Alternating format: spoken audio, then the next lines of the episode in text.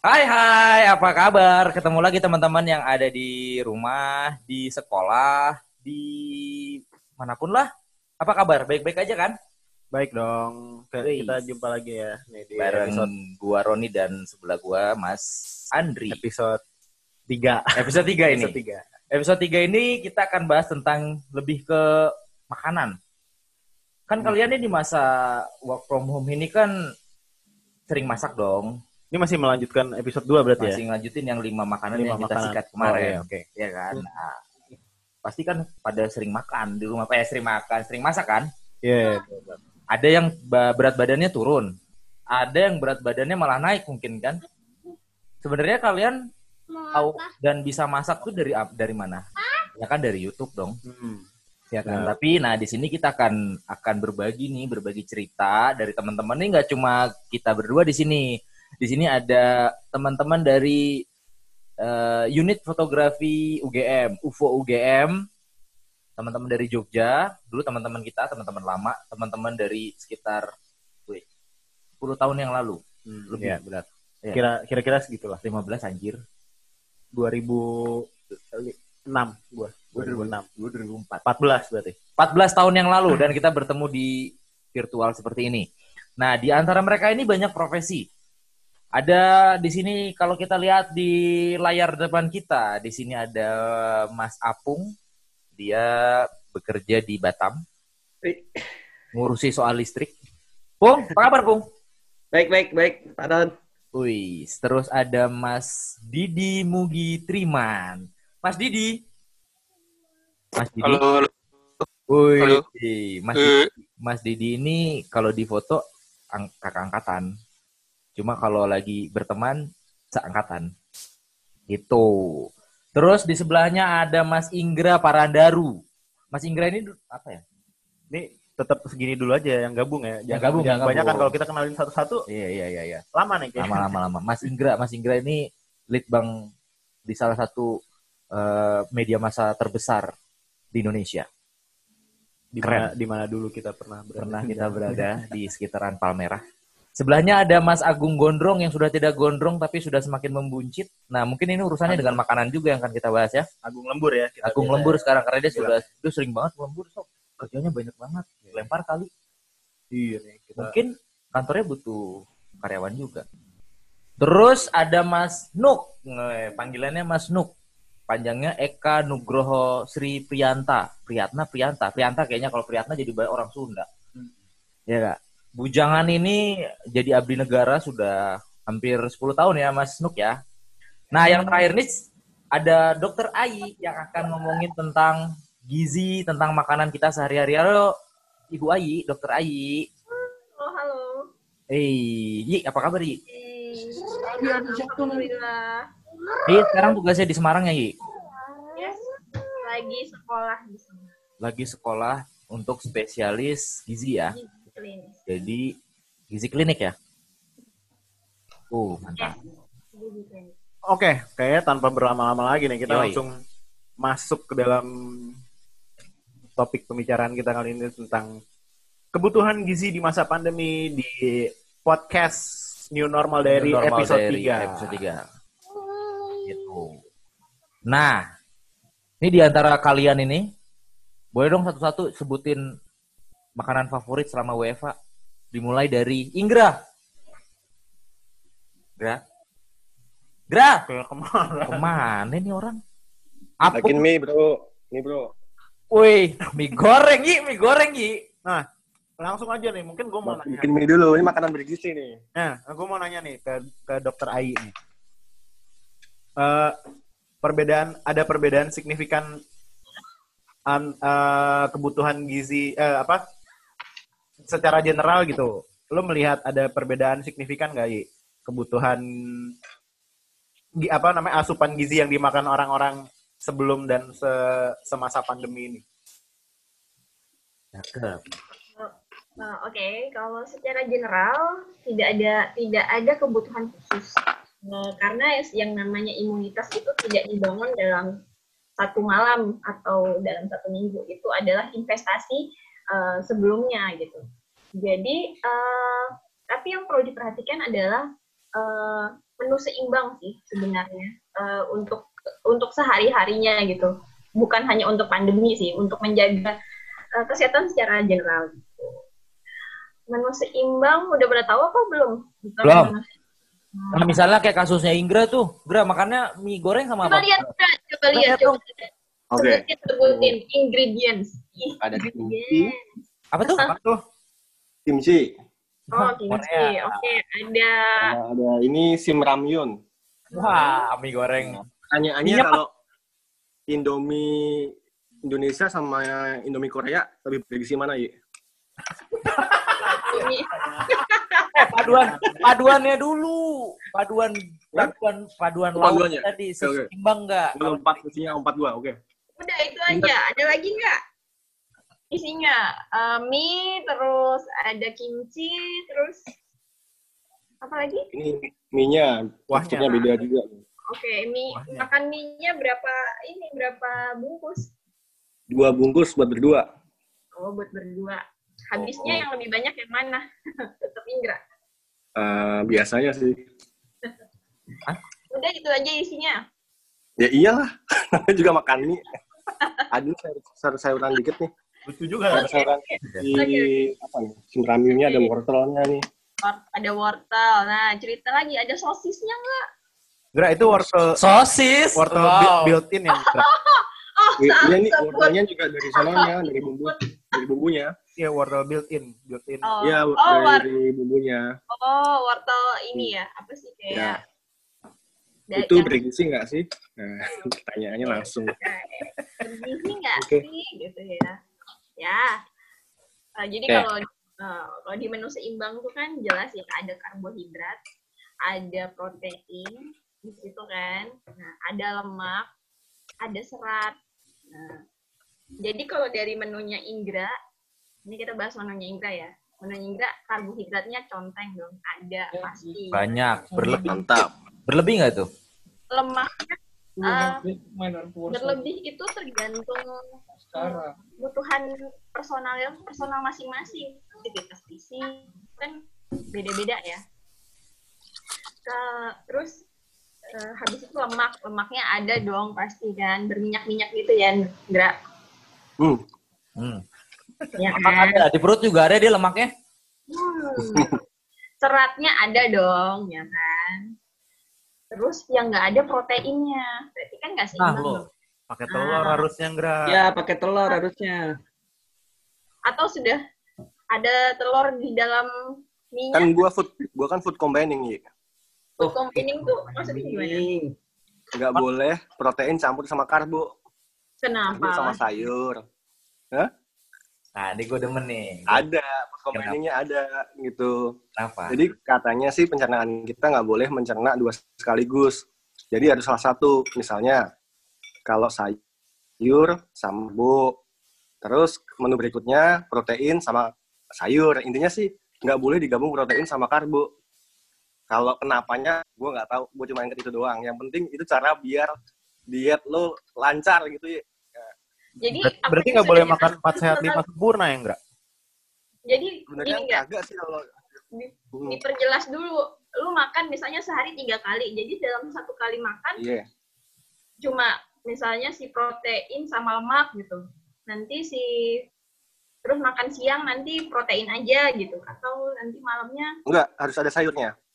Harus Oh, ada sayur. karb. Jadi sayur sama karbohidrat, terus sayur sama protein gitu. Terus juga ini eh, lebih ke ini aja sih. Gue cuma waktu itu juga ada acara kayak awareness gitu tentang food combining biar nggak apa namanya biar kita itu nggak apa ya biar nggak gendut atau biar apa macam-macam lah intinya biar menjaga biar tetap fit itu ini caranya gitu. Menarik menarik. Eh, pemahaman ini awam ya oke. Jadi mem eh, tidak ada dasarnya sih sebenarnya Eh, kenapa tidak boleh eh, si protein ketemu si karbohidrat gitu ya kan dalam eh, di dalam maksudnya nanti gini si makanan tuh masuk ya di dalam mulut gitu nanti di diolah masuk ke dalam darah dalam bentuk si eh, protein dan si karbohidrat dan lemak itu nanti akan punya nasibnya masing-masing gitu kan Hmm. jadi kalau menurut uh, menurut keilmuan yang aku baca sih tidak tidak ada apa ya alasan tertentu gitu. Kenapa harus menu seimbang? Karena uh, ketika kita uh, beraktivitas, ya kan, kita butuhnya gula nih. Gula ini dapatnya dari karbohidrat. Nah, karbohidrat. Tapi sebenarnya protein dalam keadaan tertentu juga bisa jadi bisa jadi gula gitu. Pada keadaan tertentu bisa jadi cadangan energi juga. Terus kenapa harus ada serat? Kenapa harus ada lemak? Ya karena itu tadi uh, tubuh kita butuh butuh yang namanya lemak. Lemak itu tidak hanya lemak jahat ya. Lemak itu uh, bukan sesuatu yang jahat buat tubuh kita, tapi kalau berlebihan jadinya jahat. Termasuk karbohidrat berlebihan juga jadinya jahat gitu kan. Hmm. Pokoknya intinya semua yang berlebihan jahat ya. Iya dong. Oke, okay. termasuk juga cinta uh, tidak dilanjutkan sih. Oh, nah, udah gitu, uh, jadi kita perlu dalam satu piring itu perlu keseimbangan itu proporsi itu. Nah, untuk menentukan proporsi makanan apa makanan itu ya Hai Dena. Hai Dena. Wah, di tengah-tengah. Gak apa-apa Dena aplikasi baru masuk. Lanjut. Lanjut Karena kita bahas tentang gizi ya Den. Kalau mau tanya-tanya sama Oh iya iya. Ayi, ngomongin gizi seimbang seperti apa boleh lah. Lanjut I. Aku nyimak dulu ya. Iya. Nah, jadi, uh, jadi kan jadi perlu, perlu keseimbangan tuh antara si karbohidrat uh, sebenarnya bukan seimbang ya sebenarnya proporsinya tepat gitu ya jadi tadi tergantung keadaan tubuhnya keadaan tubuhnya kalau lagi maksudnya kita uh, over nggak nih uh, apa berat badan kita gitu. Apa nih yang perlu dikurangin gitu. Misalnya kalau kita udah tahu nih berat badan rata-rata lah ya kita seumur segini tuh berat badan udah uh, kalau nggak uh, overweight obesitas gitu kan. Di umur umur segini gitu. Berarti kita udah tahu nih kita restriksinya apa gitu. Uh, misalnya restriksi uh, pengurangan karbohidrat nih karbohidrat. Nah itu itu baru mau ku tanyain. Hmm, hmm. Kalau masalah defisit kalori gimana itu, Yi? Wah, ya, kalau orang mau diet itu, wow. defisit kalori gimana? Susah ini. Oke, okay. uh, jadi gini, jadi perhitungan kalori, jadi kalori itu bisa dapat dari mana pun. Kalori itu bukan dari karbohidrat aja, kalori itu bisa dari protein, bisa dari lemak, bisa dari karbohidrat itu sendiri.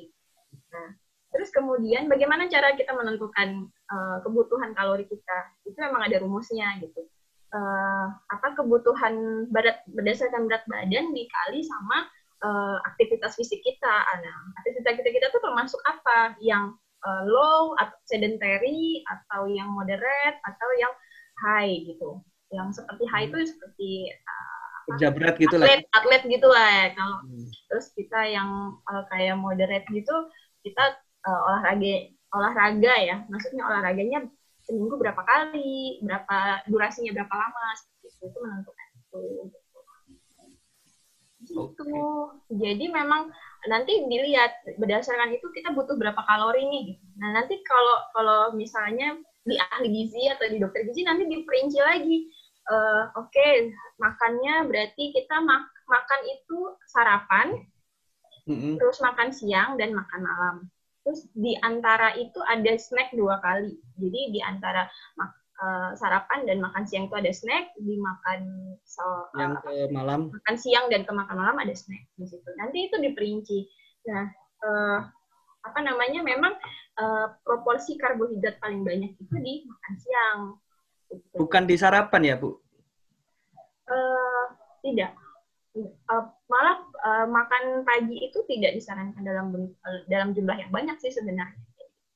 Oh, oke. Okay. Ya, gitu. Jadi memang personal masing-masing perhitungannya. Aku mau nanya dong, Bayi. Iya, iya, boleh. Apa? Aku nggak tahu ini off topic apa enggak sih.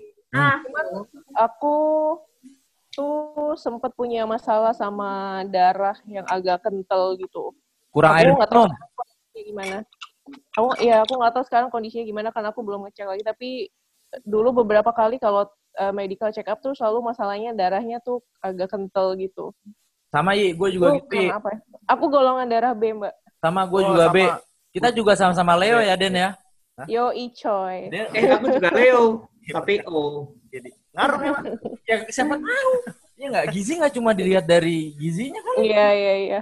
Eh, gizi Tidak darah. pernah dengar diet golongan darah, katanya ada. Sionya apa? Sionya apa? Sio. Nggak tahu. berdasarkan sio atau bintang. Oke oke. Jadi eh, aku nggak tahu persis ya maksudnya definisi darah kental itu seperti apa. Itu di, di diutarakan oleh siapa? Oleh dokternya, oleh eh, pengambil laborator eh, pengambil darahnya atau laboratnya kayak gitu gitu sih. Laboratnya, laboratnya yang biasanya bilang darahnya kental nih gitu.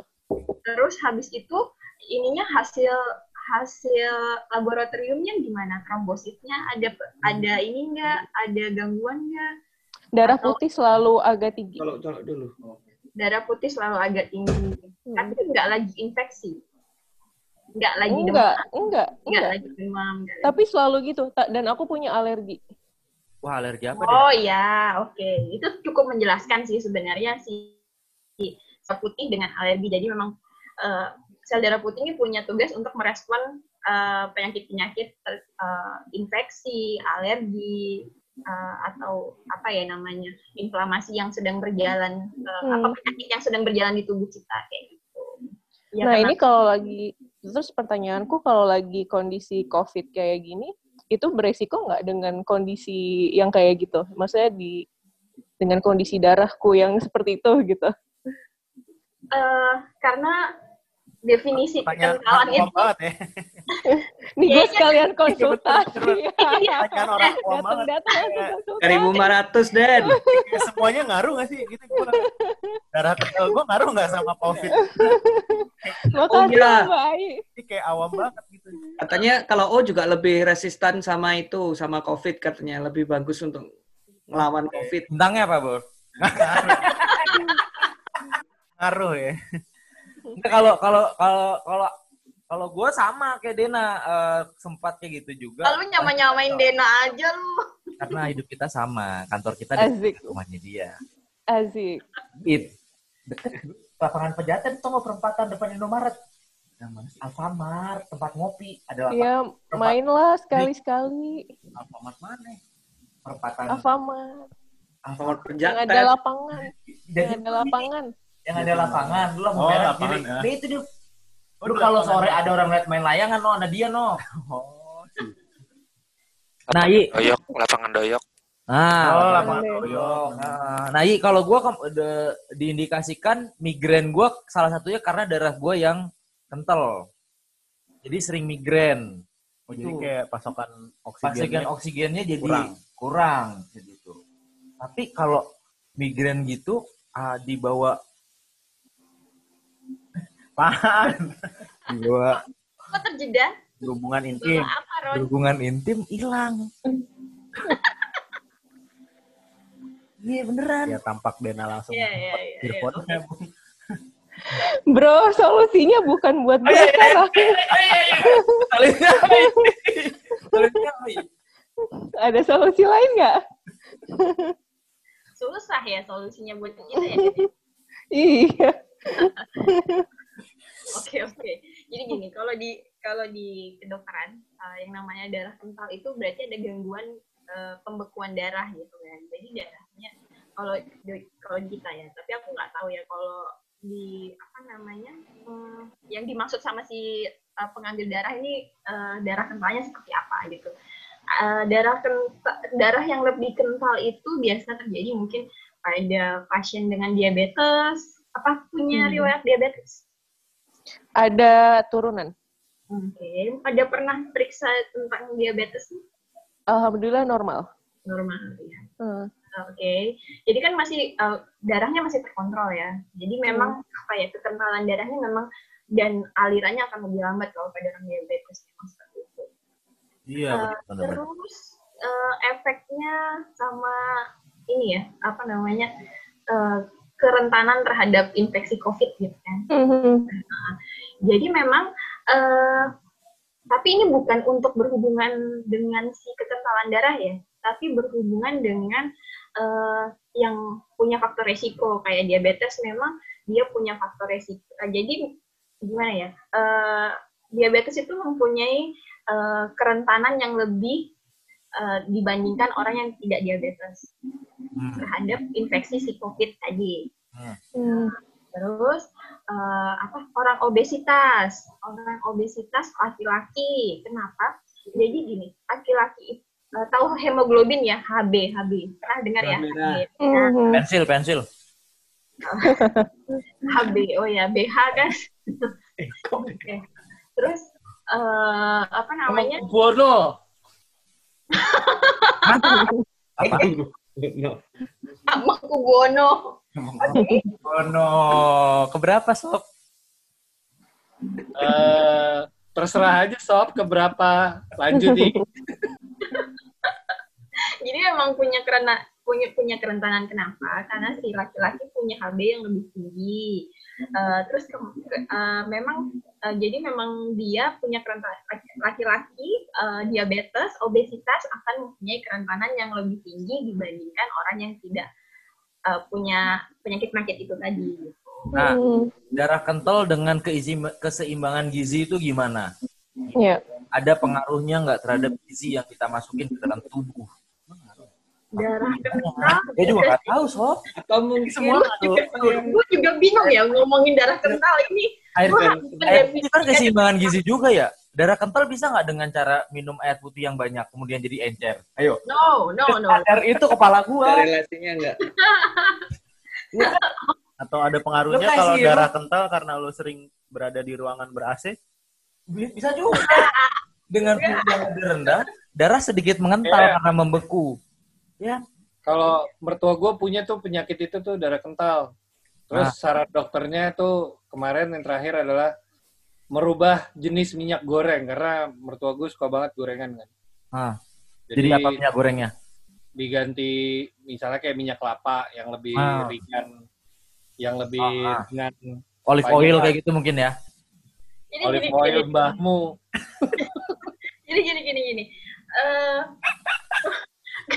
ada lucu ya. Sebenarnya gini, mari meluruskan uh, apa namanya? Stigma yang ada di otak kita. Iya, iya, iya, iya. Oke. Apa itu, Bu? Jadi semua makanan, semua makanan yang masuk mau berupa jagung, mau berupa minyak, mau berupa nasi uh, atau protein yang lain, itu akan masuk dia akan dipecah-pecah-pecah dia nggak akan masuk ke darah langsung dalam bentuk minyak dalam bentuk air gitu enggak enggak jadi nggak kayak gitu ya. Jadi dia, dia akan dipecah-pecah jadi apa ya namanya substrat uh, hmm. zat lah zat gitu ya zat. Hmm. Zat yang akan dipecah-pecah nanti dia akan masuklah ke dalam si apa usus, usus nanti nangkap, nanti dia akan masuk ke dalam pembuluh darah dan beredar dan nasibnya akan uh, beda-beda digunakannya nanti sesuai kebutuhan tubuh gitu.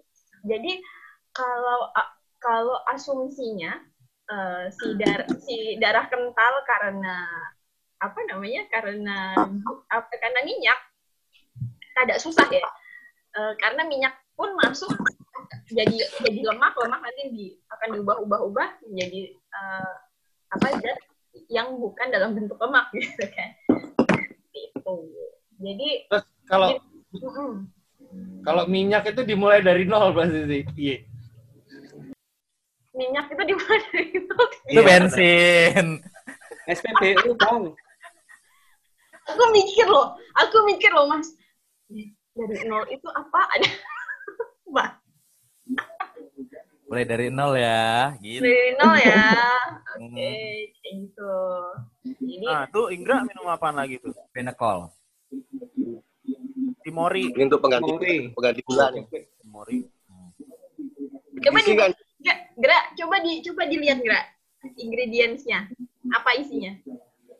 Dibacain jangan suruh kita lihat. aja kan. Pung, pung. Ada isi bersih. Isi bersih 70 mili. Apa? Ya. Isi okay. bersih. Eh, Isinya. sekali gini ya, sekalian belajar cara cara membaca ini, cara membaca ingredient ini ya. Nah, itu nah, dia. Benar. Nah, ya, ya. Oke. Okay. 50 kilokal. Ini maksudnya apa, ya? Bentar, bentar itu dia 70 mili. Dicatat loh, Mas. 70 mili. Uh -uh. Ya habis tadi. Takaran saji 125 mili. Uh, jadi Bagi. dia uh -uh. Ya kan? Bener aja. teknik tuh biar Terus energi total 50 kilokalori. Per Ah, per 70 mili. persajinya ya, persaji. Iya, itu- betul. Itu harus dilihat. Kalau ngelihat makanan itu jangan lihat kalorinya aja. Kadang tapi harus dilihat persajinya berapa berapa miligram, berapa mili, berapa gram gitu. Waduh. Iya. Jadi itu kan satu botol isinya 70 mili. Sedangkan eh, apa persajinya. Oh, botolnya 125, isinya 70 gitu ya. Nah, persaji, Oke. persajinya 70. Ada perkemasan sama pertakaran, maksudnya apa nih? Gini gini gini gini. Gini coba. Dilihat persajinya berapa. Ini kelihatan nggak nih? Kagak kelihatan gua. Kita ini masa tua ya di atas 30 tahun. Nggak ada kata saji. Saji nggak ada nih saji. Nggak ada. Tudungnya ada nggak tudung saji?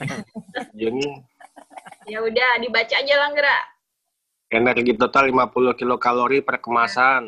Mm-mm. Oh, Kalau- perkemasan. Oke, itulah kata kata kuncinya persaji dan perkemasan. Coba diperhatikan ya. Kalau pertakaran ini 90 kilokalori per takaran. Mm. Terus ketika lo buka terus lo minum tuh lo merhatiin itu nggak enggak? Sebenarnya sih kagak. Apa yang lu perhatiin pertama Merhatiin saat membeli sebuah makanan? Makanan bungkusan. Membeli apa Membeli. Membeli dan mengonsumsi. Nah, jadi satu. Membeli Baik. untuk lu konsumsi itu apa yang pertama lu lihat? Harga pasti. Pertama, gua nggak ngeliatin barang ya. Gua cenderung biasanya di kulkas aja ada yang tersedia apa, gua minum. Semua yang beli sih tata. Jadi gua cuma eh, apa adanya gua minum semuanya sih. Oh, berarti Rai kayaknya lagi beli. Oh, enggak, gue kira lagi beli. Hilang Oh, dari punya layar. ini, Oh, punya apa itu? apa namanya? Kamu beli Yanto ya? Oh, enggak. Oats Apa ya? namanya? Oat, Ah, ah, Praga, Praga. Raga. Terus kira jadi dia 120 mili eh, 50 kilokalori. Oke. Kalau 70 mili 50 kilokalori. Ya. Oh, jadi 70 Lemak mili. total. Lemak totalnya 0,5 gram. Hmm. Proteinnya 2 gram. Karbohidrat total 10 gram. Natrium 20 miligram. Nah, natrium berapa? 20 miligram. 20 miligram. 20 miligram. Ini sesuai apa yang diketik sama Mas Nuk ya, natrium ya. Natriumnya piro, Mas Gro. Tuh, natriumnya akeh banget di Kalium 55 miligram. Bagus loh kalium. Oke, jadi gini. Eh, biar enak contohnya mungkin. Jadi harus diperhatikan yang namanya eh, dia biasanya nulisnya gini, persaji. Persaji, misalnya ini letter oat ya, letter oat. Persaji 30 jadi persaji itu maksudnya yang eh, yang kita makan eh, takaran yang kita makan. Hmm. Berarti kalau Iya. oat 4 sendok ya? Eh ya 35 gram itu yang dia tuliskan di Oh, iya. kemasan Oke, oke. Ah, ya kan. Terus kadang di, eh, mereka menuliskan misalnya kayak lemonilo atau kayak aku nyebut merek aja ya. Gak Lemonilo. apa-apa. Nggak apa-apa. Kita siapa tahu di endorse besok. Jadi jadi lemonilo itu bilangnya di tulisannya cuma eh, 80 kilokalori. Tapi dia tidak lagi, Indra? Bijeli. Gula juga. Kue gulamu akeh tuh, gaji guri. Coba dilihat itu berapa kalori. Indra. Oh, Ini lebih simpel doang. Ramyun. Cuma macem air madu sama royal jelly Ya, ada dilihat. aja gula manis. Pokoknya gula itu gue pengawet tetap. Gak disebut tuh di sini kok Di sini Coca-Cola nih kayaknya nih. Sama nih. Wah, Indra. Jadi gini gini. Jadi kan si tadi mau bicara apa ya aku lupa kan. oh persaji. Persaji, persaji. Ah ya takaran. Jadi dia harus dilihat tuh takaran. Kalau ya, Lemonilo tuh nulisnya dia 80 kilokalori aja. Tapi dia per ternyata orang kalau baca baca label pasti dikira satu bungkus itu cuma 80 kilokalori. Hmm. Padahal enggak. Per Suap eh, eh, per lap- eh, kalau nggak salah per lembar berapa? mie-nya.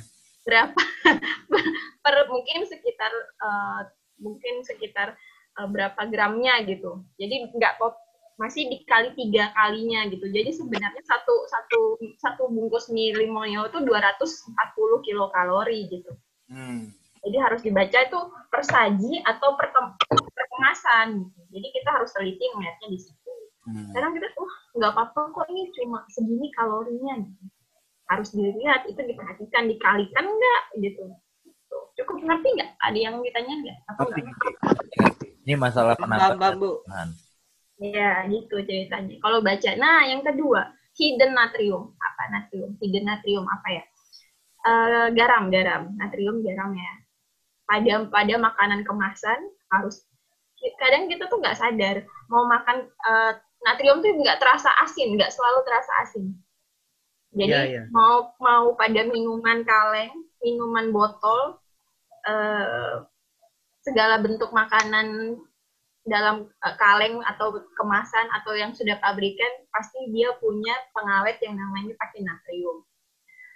Eh, natriumnya penting. Eh, faktor risiko kena kebanyakan natrium itu bisa buat hipertensi. Kadang kita bilang kalau ke dokter gitu, suka makan asin-asin ya pak? Enggak saya enggak, saya makannya biasa aja, saya nggak terlalu suka yang asin gitu. Tapi kita lupa kita suka jajan gitu. Hmm.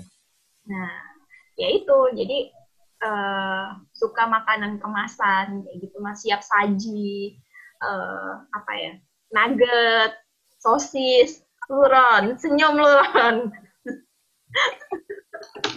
Jadi efeknya apa tadi? Efeknya natrium apa? Efeknya natrium akan bisa meningkatkan tekanan darah yang paparannya, Darah- hmm, tekanan Darah darah. tinggi, darah tinggi. iya, Jadi emosian gitu ya orangnya ya. Ya, enggak enggak emosian sih nyebelin aja. iya.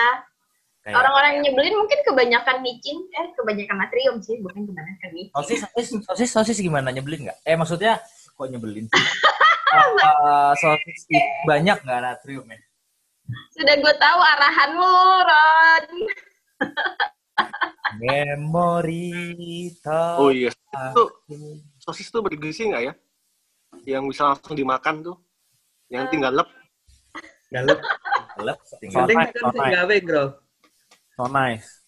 kan kita harus lihat lah isinya apa protein tinggal dilihat aja proteinnya berapa karbohidratnya berapa lemaknya berapa Jadi sebenarnya intinya ya kalau yang processed food itu tuh lebih banyak campuran yang sebenarnya nggak dibutuhkan sama tubuh kita gitu atau gimana mbak?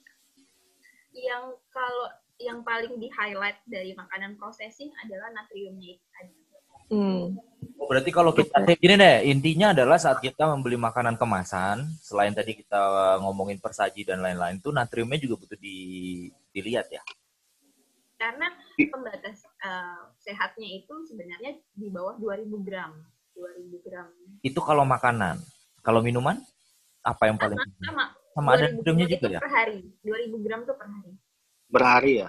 per hari Ini cuma 20 mg kecil lah ya.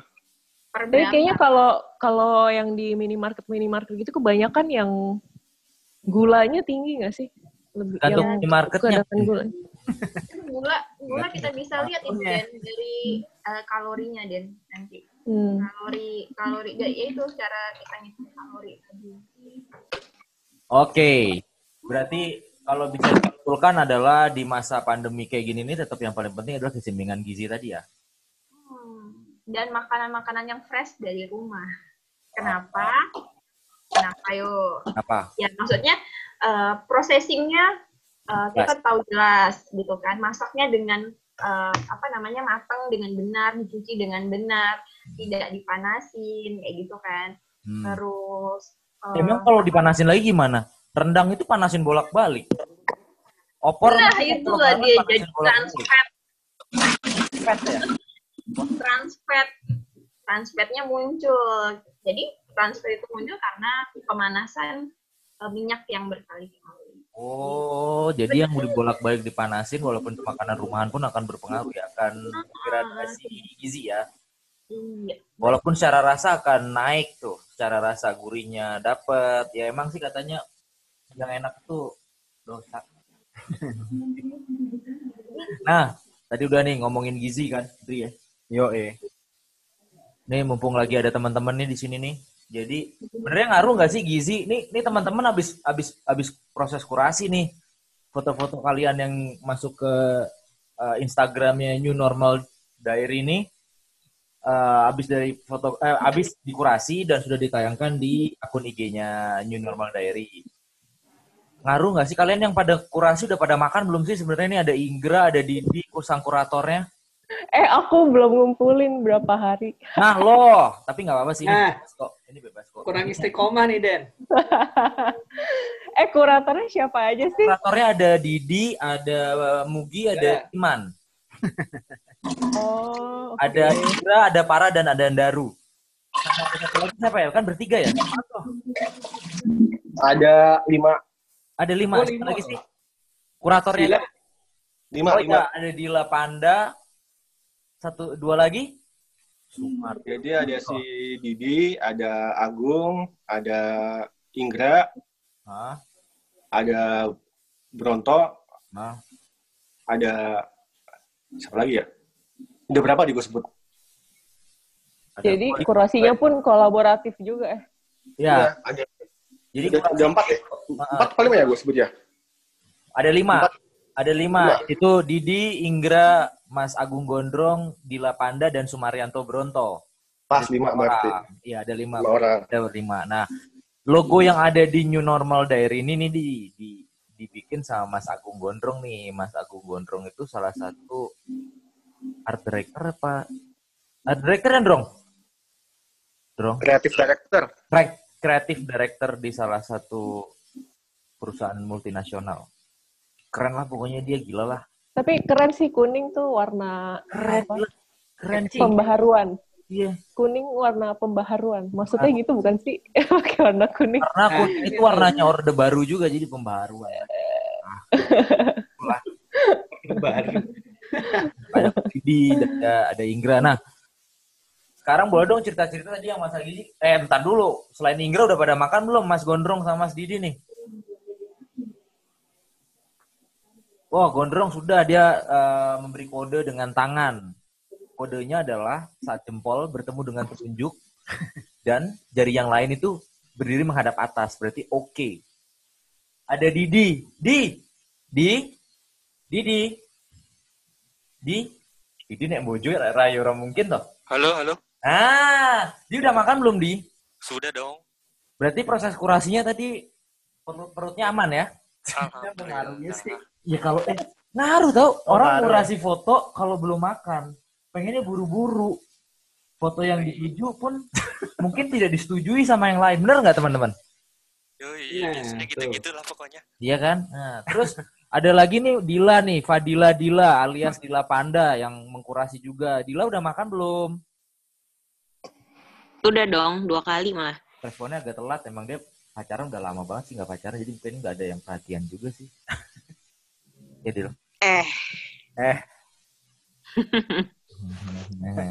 eh, cerita dong tentang foto hari ini, gimana progresnya, terus kalian proses kurasinya gimana sih? Kan kalian kan kalian sama-sama punya pekerjaan juga gitu loh. Proses kurasinya gimana sih? Yang pasti. Kalau udah banyak foto masuk, kan Nah, Didi, Didi, mic-nya boleh didekatkan ke bibir Anda? iya, iya. Nah, Jadi biasanya ah, tiap hari, tiap hari kan ada jam penugasan tuh. ah, Hmm. Contohnya hari ini tuh 19.15. ah. Pasti pada motret jam segitu tuh. Makin menjauh. Didi makin menghilang suaranya, Di. Eh, eh, Kayak kamu waktu deketin cewek. Ya, anjing. Halo? Ya masuk. Nah, kan ada jam penugasan. Kecil lagi. Kecil suaranya. Jauh soalnya, Ton. Dia lagi Jadi di Jambi. Jambi ya? Oh, Yuk, cerita, gerak, terusin gerak. Berarti nyerah akhirnya. nyerah, nyerah, nyerah. sambung. Sebenarnya Didi yang eh, jadi apa? Kayak Awas semacam balikin lagi ke Didi ya. semuanya. Hah? Di? Awas lo, oh, kan balikin lagi kan. Oke. Jadi kalau di kita tuh pertama kan tiap hari dia akan ngasih semacam penugasan jam berapa, jam berapa itu kan. Awalnya kan kita menentukan 10 hari tuh. Nah, setelah itu pen- penugasan itu kita lakukan ada jam tertentu yang kita bahas bareng-bareng. besok nih jam berapa nih kita motret. Nah itu sekaligus kita melakukan proses kurasi. Oke. Sederhana sih proses kurasinya itu dari foto teman-teman yang masuk, masing-masing kurator itu milih dua foto, dua foto aja. Hmm. Yaitu eh, kebetulan Didi memilih untuk sebagai oke gue pelengkap aja nih ketika yang lain sudah eh, misalnya kurang fotonya atau si Dila berhalangan atau aku nggak bisa milih, nah itu Didi yang ber- ber- bertugas untuk melengkapi fotonya agar genap menjadi 8. Oke. Kita Ya, ya. eh, di sini pilih 8 foto ya per hari ya. Kenapa? Karena kita pengennya di feed itu biar bagus 9 gitu. Pas. Nggak ada Oh, iya iya iya. semua penugasan di paling kanan gitu kan. Jadi biar ini sih biar apa enak biar rapi dilihat gitu kan. Hmm, hmm, hmm. Terus kemudian kalau penentuan temanya eh, foto apa yang biasanya kita pilih, sebenarnya sih eh, itu semua tergantung dari selera masing-masing ya. Dari pengalaman visual teman-teman itu seperti apa gitu. Hmm. Eh, biasanya yang kita ambil itu pertama unik itu dan kedua ini sangat new normal banget nih. Misalnya eh, ada foto yang simbol-simbol yang social distancing gitu-gitu ada tanda silang, nah itu kita ambil. Atau hal-hal yang nggak pernah kita temui di hal-hal di eh, ke- apa namanya kehidupan normal lah. Itu yang biasanya kita angkat gitu.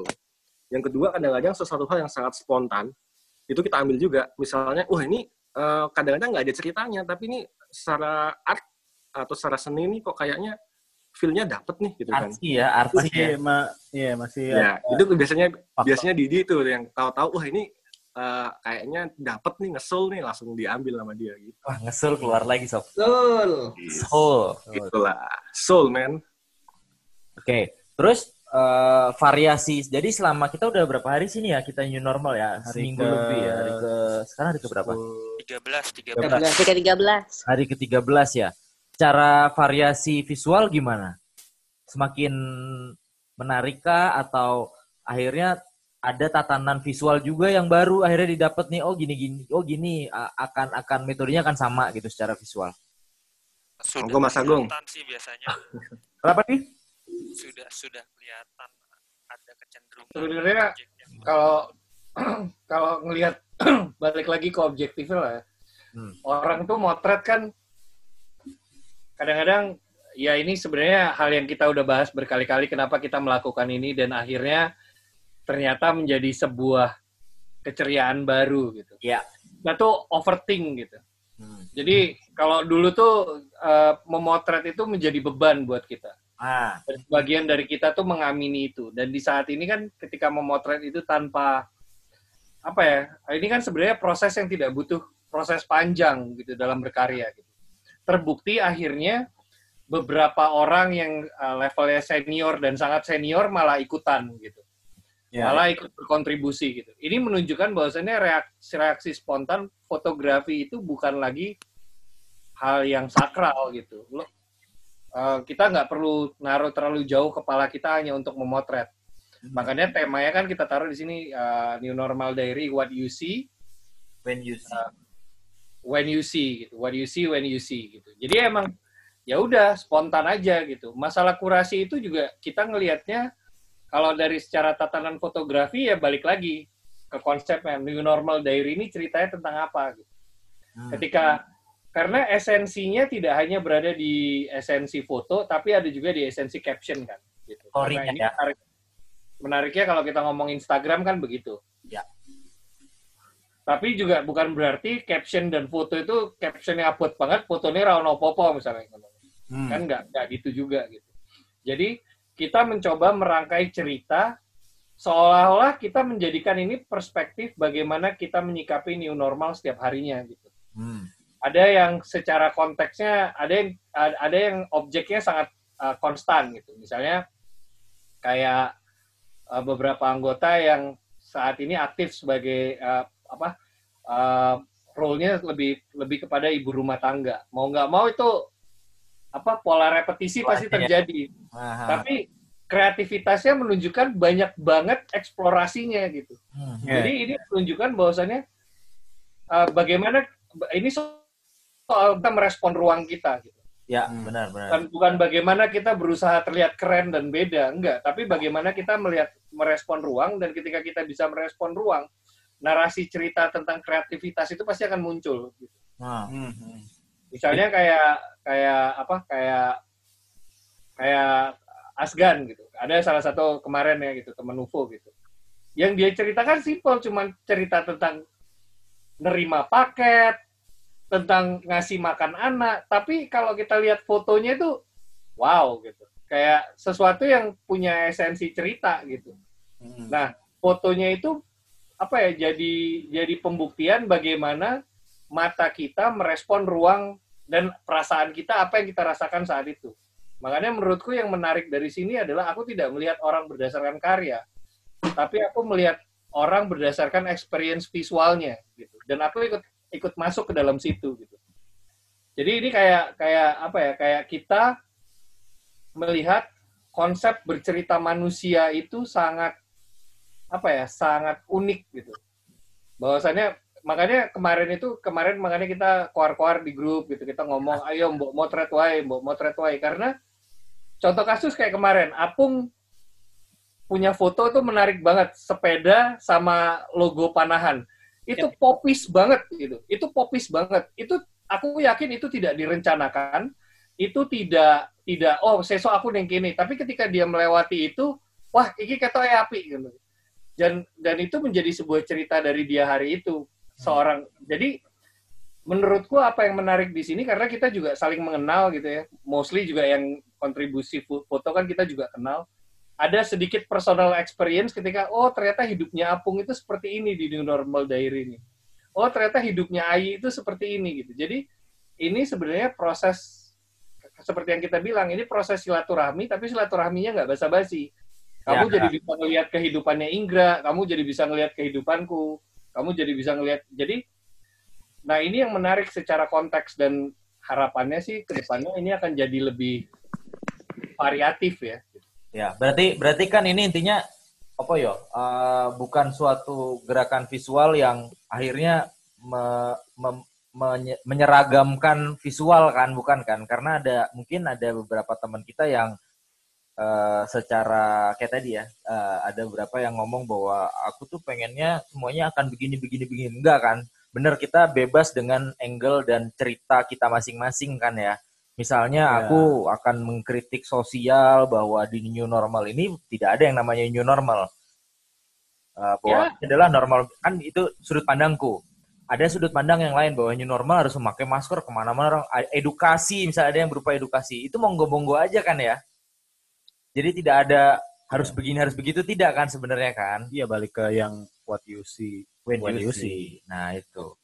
Terus nambahin juga sih sebenarnya. Ini Boleh, sih boleh, menurut gue project Janganlah. project yang seru banget. Kenapa? Yang pertama tuh karena memang bener kata Mas em, Agung tadi sih.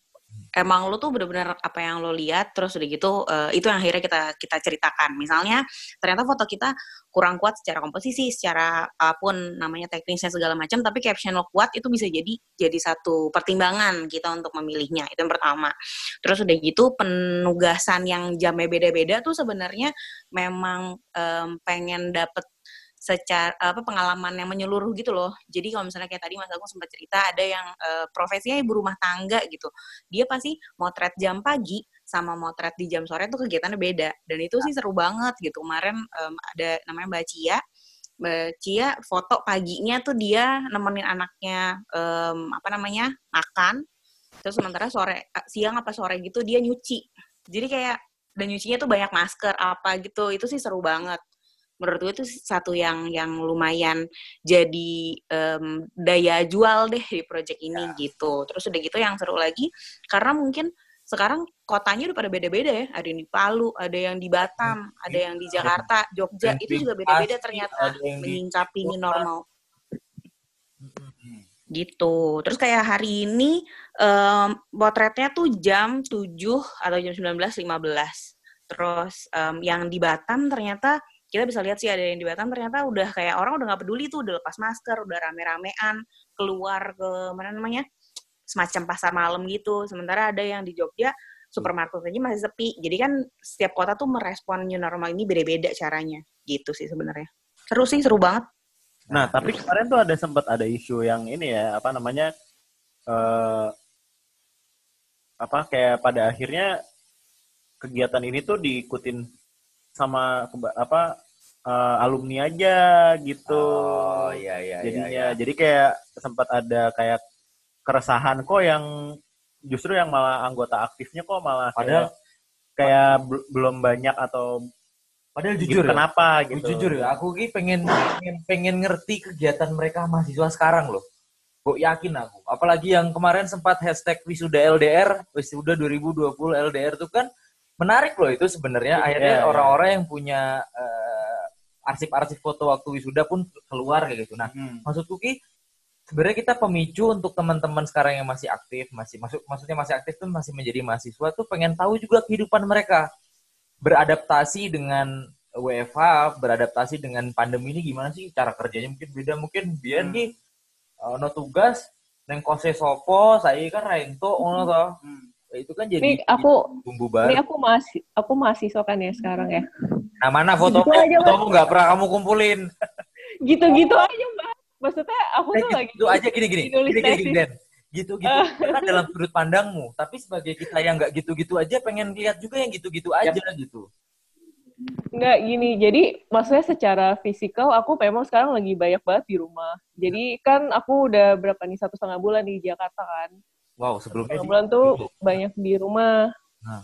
Terus eh ya udah dua minggu terakhir tuh emang ngetik tesis Hmm. dan emang deadline kebetulan minggu ini kan. Jadi emang ya udah beneran sesimpel, emang sesimpel saat kamu deadline itu apa yang kamu lakukan sebenarnya ya bukan memaksa sih cuma kayak yang sebenarnya kita pengen tahu kehidupan orang-orang ini dalam beradaptasi sih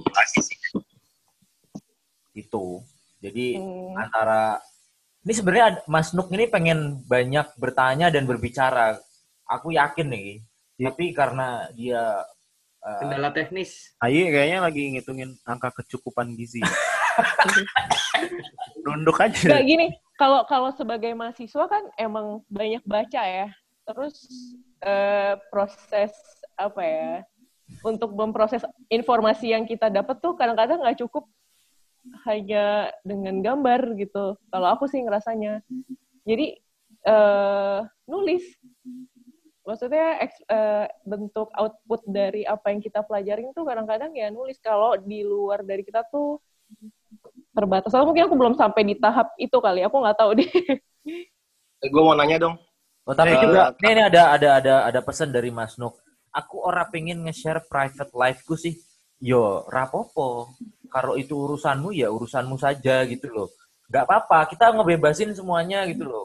Urusan teman-teman ini pengen nge-share private life-nya juga itu itu bebas. Ya mereka yang sudah terbuka dengan kehidupannya pengen nge-share bahwa ada tips and trick juga dalam dalam visualnya dia itu nggak masalah bebas lah pokoknya kok mau nge-share apa pun dari sudut pandang kalian Enggak semua. yang jadi yang jadi yang jadi gue penasaran dari per, pernyataannya Mas Luk itu adalah emang foto seperti a- dia maksudnya Private foto itu foto nah foto foto private life-nya dia tuh seperti apa? aku masih gitu loh atau Nulis, masalah iya. atau mungkin masalah gimana gitu. Oh, kalau aku boleh merespon ya, kita kembali kepada konteks fotografi dulu. nah Konteks fotografi ini kan konteks berkarya. ah Fotografi itu kan ada ada ratusan stream, ya. ratusan Ah. stream, ratusan penjabaran fotografi mulai dari human la, eh, apa eh, eh, dari human interest, dekoratif, arsitektur, bla bla bla segala macam, you name it. Dan apa ya eh, fotografi itu memang tentang doing it kan, bukan tentang analyzing it gitu. Jadi kalau beda sama kalau kamu berkarya dengan ojek. painting, painting gitu. Kayak kamu painting itu kan tentang proses gitu. Ada proses, ada proses teknis, ada proses eh, pengidean, berkarya, dan akhirnya pengejawantahan gitu. Nah kalau sebenarnya gini, cara kita merespon ruang itu kalau menurutku ya, cara kita merespon ruang itu not necessarily kita membagi apa yang apa hidup kita atau kita merasa kita mentok di situ. Ya memang pada akhirnya ini ten- memang tentang bagaimana bagaimana kita menganalisa kemampuan kita. Misalnya kayak Dena tadi, menurutku nggak masalah juga, nggak masalah gitu. Karena aku lebih gampang dalam bentuk tulisan ketimbang foto. It's very open gitu. Karena makanya project ini diciptakan sebagai project live documentation. Live documentation itu bukan kayak oh ini hidupku, mana Ya. hidupmu bukan. Ya. Itu live documentation itu tentang contoh kasus gitu. Ada kemarin beberapa teman yang memotret tentang figurasi sayuran yang dia masak. Gitu. Itu menjadi sesuatu yang sangat menarik. Itu bisa dilihat di postingan kita gitu. Yang baru di curate hari ini gitu. Hmm. Apakah itu fotografi? Yes, gitu. Itu fotografi gitu. Dan apakah itu menarik? Yes, itu menarik gitu. Jadi kadang-kadang gini loh, eh, dalam dalam kreativitas itu dulu Pablo, Pablo Picasso pernah pernah ngomong gitu. What you can imagine, you can make it. Yap. Gitu. Jadi kalau kita bisa membayangkan itu, itu pasti kita bisa bikin. Gitu. Nah permasalahannya kadang overthink kita itu menciptakan blok bahwasannya kita bisa bikin itu. Betul. Nah, sehingga eh, akhirnya kita eh, mencoba menemukan cara lain untuk berkreasi. Makanya menurutku ya sah-sah aja gitu. Ada orang yang mau ikut, ada yang enggak, ya itu sah gitu. Kalau misalnya kita kita balik kita ke angkatan muda. Angkatan muda itu menurutku mereka terkendala pada kebiasaan. Kebiasaan. Jadi eh, mereka tuh eh, tidak mengikuti cara kita. Dalam artian gini, kita itu sangat kita punya kurasi terhadap materi Instagram kita, tapi mereka itu kurasinya 10 kali lebih kuat Kuat. dari kita. Ya. Contoh kasus, kalau kamu ngelihat Instagramnya anak umur 24 tahun ke bawah, jumlah postingan mereka itu itu akan lebih sedikit dari orang yang sudah punya rata-rata akun Instagram selama tiga tahun atau empat tahun. Hmm. Jadi itu bisa di bawah eh, 40. Bayangin 4 tahun punya Instagram, feed-nya itu cuma 40. Berarti dalam setahun dia cuma posting di feed itu dua kali. Atau eh, ya dua kali ya berarti. Eh enggak ya, lima kali ya. Lima apa sepuluh gitu. Ya, lima kali ya. Setahun 10 gitu. Empat tahun eh, 40, setahun 10 gitu. Itu karena apa? Karena mereka punya kekhawatiran untuk mengekspres mengekspresikan sesuatu dan jadi salah. Ya. Gitu. Jadi mereka benar-benar mengkurasi gitu. Sehingga akhirnya jalan keluarnya adalah Insta Story. Kenapa? Jadi Insta Story itu diciptakan untuk tidak menciptakan rekam jejak digital. Ya. Makanya kalau kita ngelihat sekarang kebiasaan yang terjadi kalau kita ngomong tentang artis dan segala macam macam gitu. Itu jadinya kita semacam uh, apa ya? uh, kita uh, kebiasaannya adalah apa-apa kita screen cap gitu. Karena kita tahu uh, uh, semua informasi yang berada di digital itu sifatnya sementara. Bukti yang paling valid adalah screen cap. Gitu. Nah, ini fenomena sosial fenomena digital behavior yang kita nggak bisa against karena itu culture. Karena itu embed gitu. Jadi se- sekeras apa pun kita bilang sama mereka ya mereka juga nggak akan melakukan. Karena apa? Untuk meletakkan sebuah foto di dalam feed itu proses pemikirannya panjang banget. Hmm. panjang banget. Jadi kamu bisa cek di Nielsen di Instagram eh, apa Instagram web bagaimana mereka bereaksi terhadap sosial gitu sosial media mereka gitu jadi emang ini generasi yang eh, apa ya eh, mereka itu sangat berhati-hati ketika berkomitmen Hmm. Fit itu kan komitmen ya kalau zaman kalau zamannya Ayi dulu atau zamannya Dena gitu ya upload foto pasangan di Instagram tuh nggak apa-apa kalau putus tinggal delete gitu. Ya, benar. Nah kalau generasi sekarang itu nggak mau. Hah? Jadi mereka tuh agak agak sangat berhati-hati tentang itu. Jadi ya menurutku ya itu culture gap-nya yang terjadi. Sama Terlalu ini label. ada faktor ada faktor kayak kalau angkatan muda itu kayak apa udah jiper duluan gitu loh jadi kayak ini gagasan yang muncul dari anglubis gitu dari alumni terus atau mungkin kayak jiwa kompetisi mereka tuh terlalu kuat Hmm, kayak mungkin. misalnya eh ah gue udah pasti nggak bakal kepilih lah gitu masuk maksudnya foto-fotonya aja yang masuk aja dari angkatan maksudnya dari alumni Ini mungkin bisa ditanyakan ke Dila sih yang lebih psikologis gini gini. ya gi- gi- gi- ada ada ngaruhnya Ada gitu sisi nggak ngaruhnya nggak sih, Dil? Apa tuh sisi ngaruh dari? Ya, Oke, wah. Mohon maaf. Nggak, Baru gua- balik lagi saya. Nah, Dari gua- mana pacaran? Gua- eh, udah gua jam segini nggak boleh tahu kata mama. Oh iya, Mama Udah harus masuk ke rumah jam segini tuh. Tapi kalau kata papa boleh, mama bisa. Waduh, Iya, iya, iya, iya, iya, iya, iya, iya. ini ngomongin PS5.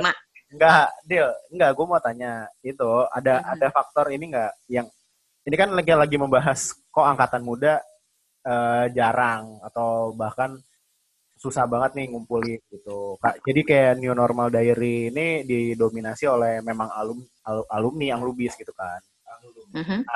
Ada faktor ini enggak kayak misalnya mereka udah jiper Segen, duluan, segen. gitu loh. udah jiper duluan kayak wah ini Mhm. angkatan-angkatan alumni nih dan ini Mhm. gagasan ini munculnya dari dari angkatan-angkatan alumni gitu dari alumni UFO gitu terus Mhm. atau mungkin mereka juga memiliki jiwa kompetisi yang sangat tinggi sehingga ah udah kayak udah nggak bakal ah udahlah nggak bakal kepilih juga atau misalnya gimana gitu sama udah kalah lah foto gue sama Mhm.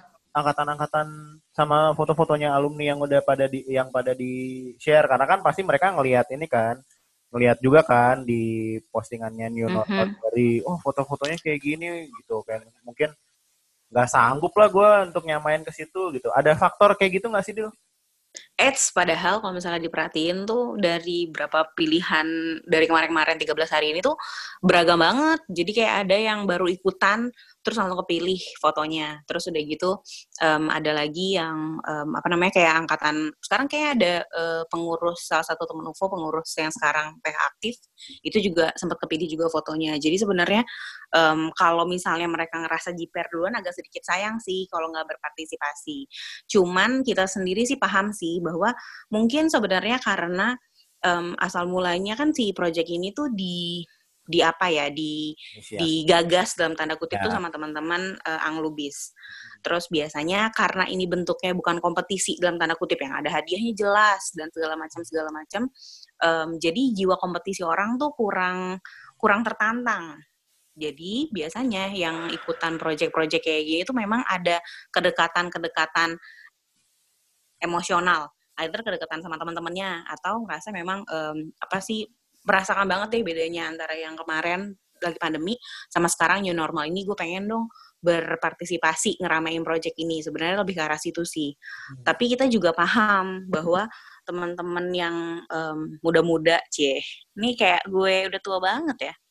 Teman-teman yang muda-muda mereka Terus angkatan agak sedikit tidak merasa hmm, apa namanya ya tidak merasa eh pede atau merasanya lebih kesungkan karena memang proyeknya digagas sama yang angkatan-angkatan senior gitu. Iya, betul. Sebenarnya sih kalau misalnya yang tadi gue bilang agak sedikit sayang kalau misalnya ngerasa ah nggak mau ikutan ah karena ini isinya pada yang udah senior senior atau enggak ah Iya. nggak bakal kepilih. Padahal sebenarnya kalau misalnya mereka mau ikutan tuh em, banyak banget sih yang udah kepilih karya-karyanya. Apalagi benar tadi kita tuh agak sedikit kurang dapetin visual dari yang eh, mahasiswa. Makanya Den, ayo Den, posting Den. Eh, berarti berarti berarti mahasiswa loh. berarti benar iya ya makanya. Berarti benar ya maksudnya ada faktor itu juga ya Ada dan biasanya memang orang kan cenderung kayak gitu ya untuk ngikutin project-project yang yang sifatnya memang bukan kompetisi dalam tanda kutip itu biasanya memang karena ada kedekatan sih antara yang kedekatan sama penggagas idenya atau sama yang banyak banyak banyak berpartisipasi di gerakan tersebut lebih ke arah situ sih. hmm. oke Tapi aku ngelihatnya dengan adanya movement ini ya New Normal Diary kan ini otomatis hashtag New Normal Diary ini semakin sini semakin banyak yang partisipasi juga kan. Kayak Seru sih. langsung juga Online shop juga sih, online shop. Sebenarnya kan tujuan awal ini kan kita Secara- spontanitas ya. Jadikan sebuah virus, bukan tujuannya untuk ke mahasiswa apa ke UFO karena dari identitas New Normal Diary sendiri pun kita nggak ada identitas UFO-nya loh sekarang. Nggak ada. Hmm. Jadi Iya, benar benar. kayak sekarang ini udah menjadi semacam movement kalau menurutku. Jadi goalsnya kalau aku ke depan, yang penting ini konsisten aja dan nanti uh, lambat laun akan jadi sebuah virus dengan sendirinya. Menurutku pun fotografi ini uh, dengan adanya normal diary ini semacam terapi juga sih di era kayak gini. Jadi Tapi kita ya- tuh bisa berbagi gitu loh. Dan Tapi itu ada menjadi satu hal healing. Ada ada mungkin ada sedikit masukan sih kalau tadi kita ngelihat uh, dengerin apa yang Gondrong bilang juga masalah Instastory tadi yang anak-anak zaman sekarang tuh emang lebih akan lebih aktif di Instastory benar. Nah, masukannya adalah eh, gimana kalau Instastory kita eh, Instastory New Normal Diary ini juga lebih diaktifin lagi dalam arti gini untuk ngejelasin apa itu new normal apa itu foto-foto yang sebenarnya bisa kalian explore itu bisa jelasin di Instastory kayak gitu. Jadi setiap hari Edukasi ya. edukasinya tuh di Instastory kayak gitu. Jadi orang-orang yang mengklik Instastory itu juga akan tahu oh foto-foto gini bisa juga ya. Oh foto-foto kehidupan kayak gini bisa juga ya. Atau bisa juga cerita-cerita kalian saat misalnya hunting. Hunting hunting niat. Apa hunting nggak niat? Misalnya hunting nggak niat tuh yang terus tiba-tiba depan mata ada kayak gitu kan. Yo si bocah sih Gue mau nanya nih, kenapa tiap mak nah kenapa makin ke sini jamnya makin variatif? Sekarang dari yang 19.00, 11.00 sekarang 16 16.20 ya kan? Terus Jadi ada- oh apa 4.20, 420, 420 ya. Jadi sebenarnya gini, tidak ada formula khusus dalam jam. Itu memang sistemnya sistem apa ya? Sistem yang membuat ini berasa menjadi lebih termotivasi aja buat orang-orang gitu. Ayo, ayo kita kita kita bercerita di jam ini, kita bercerita di jam ini karena goalnya cuma satu, kita mencari keragaman visual. Betul kan, Gra? Gitu Ya, betul. objektifnya Betul. hanya itu. Objektifnya hanya itu. Jadi eh, yang menarik adalah sa- satu Ron, tadi itu menarik idemu, tapi saya ngelakoni rongono Pak. ya itu Kita semua kan masih juga berkutat dengan kesibukan kita masing-masing dan sebenarnya aku sendiri merasa kemarin itu sangat senang menikmati proyek ini bukan hanya dari fotonya, tapi dari segi partisipasi.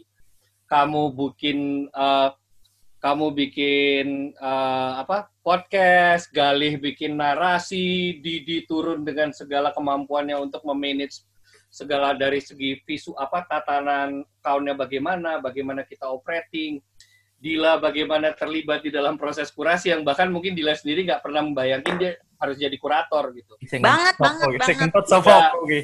kentut turun dengan kentut sih. Iya, Indra turun dengan segala apa analisanya, dengan segala pemikirannya dan apa yang dia ketahui gitu. Ayi berpartisipasi dari yang dia bisa, dari sharing materi di podcast, terus apa eh, ikut ngobrol sama kita. Mau ter- Jadi aku melihat ragamnya di sini bahwasannya ada kerinduan di kita untuk pada satu tujuan yaitu apa? Berkarya betul Betul. ketika ketika berkarya itu kenapa? Karena kita merasa kita memberi arti kan. Jadi gini, yang menarik dari New Normal Diary ini kita berada di satu titik uh, sejarah manusia. COVID ini orang ngomong sejarah Indonesia, ini sejarah manusia. Hmm, hmm, hmm. Dan kenapa New Normal Diary ini uh, uh, apply kayak yang Indra bilang?